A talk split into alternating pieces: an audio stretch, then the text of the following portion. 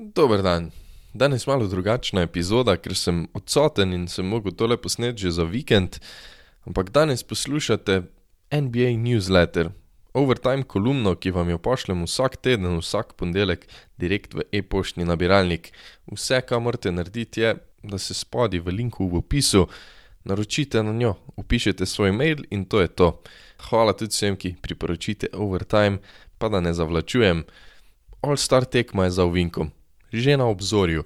In bolj ko se bližamo vikendu zvest, včasih takem čislanem NBA prazniku, bolj se sprašujem, kdaj je ta NBA dogodek padel tako nizko, da me pravzaprav sploh več ne zanima. Ko sem prvič zaplaval v košarkarske vode, je bil ta datum obkrožen na koledarju. Zdaj, na druženje najboljših košarkarjev planeta Zemlje, gledam predvsem kot na drugo večjo ločnico sezone, redne sezone. All-star tekma je postala v mojih očeh nesmiselna, vedno je šlo za šov. V zadnjih letih celo pomp in preostale discipline ne žanjejo veliko sadov, pa so na obzorju znatne izboljšave, ni več legendarnih tekmovanj v zabijanju. Ni jih zato, ker se je izkazalo, da najboljša zabijanja nujno niti ne zmagajo, Aaron Gordon, dvakrat. Zakaj bi se najbolj skočni posamezniki udeležili tekmovanja, kjer hitro lahko kaj poči, hitro lahko si kaj zvijejo, če ugled pada iz leta v leto, petdesetke dobivajo že meh zabijanja. Trice, na primer, so bile kul. In pol so se odločili dodati met za štiri točke, zaradi šova, potem to ni več tekmovanje v tricah. Tule kratek intermezzo, o tem sem tudi že pisal, tudi že govoril, daleč najbolj bolana ideja v mojih očeh bi bil turnir ena na ena. Predstavljajte si, da gre za naziv najboljšega street basketaša v ligi. Vsi smo začeli na asfaltnih igriščih, špilali do enajst s svojimi najboljšimi prijatelji. Šlo je za status, šlo je za čast. Eni so pol od tam nadaljevali do največje košarkarske lige na svetu, drugi bluzimo, pišemo in govorimo bedarije o NBA. Tu, tu. Na primer Kyrie Irving proti Ja Morantu, DeMar DeRozan proti Devinu Bookerju, magari Tim Hardaway Junior proti Patricku Williamsu. Kdorkoli bi igral, bi igral bolano. In bilo bi po-la-no. V glavnem, NBA all-star vikend izgulja svojo veljavo, ker je vodstvo tisto mejo med ultimativnim šovom in košarko zabrisalo skozi okno in pozabilo, da vseeno naslavljajo ljubitelje košarke. Dobili smo drugi krog glasovanja navijačev, to je še ena poteza, ki se relativno smešno začne in konča, ker so na tem seznamu, ki ga navijači izglasujejo, košarkarji, ki nimajo tam kaj delati. Manjka pa nekaj ubitačnih, ki preprosto niso dovolj flashy za take občasne gledalce. Navijači glasujemo bodisi za največje zvezde, bodisi za največje ekipe.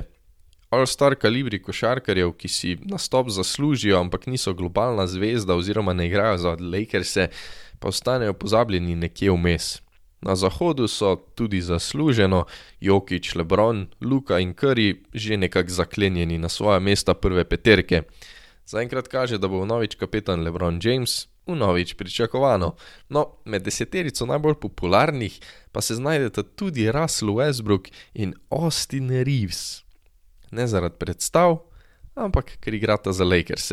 Na vzhodu je tam Derrick Rose, moja večna ljubezen, ker ima preprosto ogromno navijačev. Šest točk na tekmo in 26 odigranih srečanj letos, najbrž ni zaslužnih nastopa na tekmi zvest. Potem pa na seznamu naprimer ni Jelena Bransona, najverjetneje najboljšega posameznika New York Knicksov, vsaj v zadnjem obdobju, 22 točkam doda dobrih 6 asistenc tako Branson kot Rose igrata v velikem jabolku. Moj point, All-Star spektakel nima več repa in glave, navijači določamo starterje, majstre, ki jih želimo gledati na tekmi zvest, pa po večinoma nismo dovolj usposobljeni, da bi dejansko zaslužne posameznike tudi izbrali.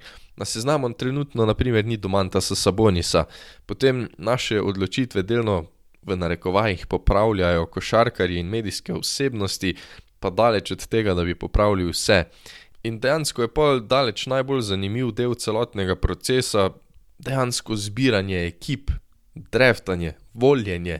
Tudi tam gre za neko čast in slavo, tudi to smo delali pod obroči naših lokalnih igrišč. Po eni strani je vikend zvest ravno to, za kar je bil zasnovan. Po drugi strani pa naziv All-Starja še vedno pomeni veliko, ogromno tem posameznikom, zato bi bilo mogoče treba nekoliko več pomena dati pristopu do tega dogodka, da ne postane brezvezen, kar se je mogoče dogajalo v zadnjih letih, pač pa da se zasnuje na lahkoten, ampak tekmovalen način, brez tekmovanja v spretnostih, ki ga ne gledajo niti družine nastopajočih, lahkotno vzdušje. A športna tekmovalnost, naprimer turnirja ena na ena, tekmovanje v zabijanju, ker petdesetice dobijo le elitni kuci, all-star tekma s pravimi majstri. Vseeno je treba Ligi NBA priznati, da so z nagrado zmagovalni ekipi, ki pol prejme krepek znesek za dobrodelno organizacijo po svoji izbiri, vsaj nekoliko dvignili raven igre, ker košarkarji ne igrajo le zase. To, torej All-Star vikend je bil vedno vikend zabave, kjer se je zbrala košarkarska smetana. Zdi se mi, da je postal vikend košarke, kjer se gre le za zabavo s smetano. Evo, to je to za danes. Hvala, ker poslušate Overtime. V opisu imate že tokrat omenjen link do te e-mail liste. Upišite svojo e-pošto in dobite moj članek, ta članek, ki sem ga ravno kar prebral, direktive v nabiralnik. Lahko me pofollowate na Twitterju, tam sem Lukas Karlovnik Šoker, do vsega imate pa link v opisu. Iz srca cenim vašo podporo, ogromno mi pomeni. Vesel sem, če Overtime komu priporočite, se naročite, če ga delite. Hvala. Beremo se v ponedeljek, slišimo se danes teden, pa bodite naravnost čudovito.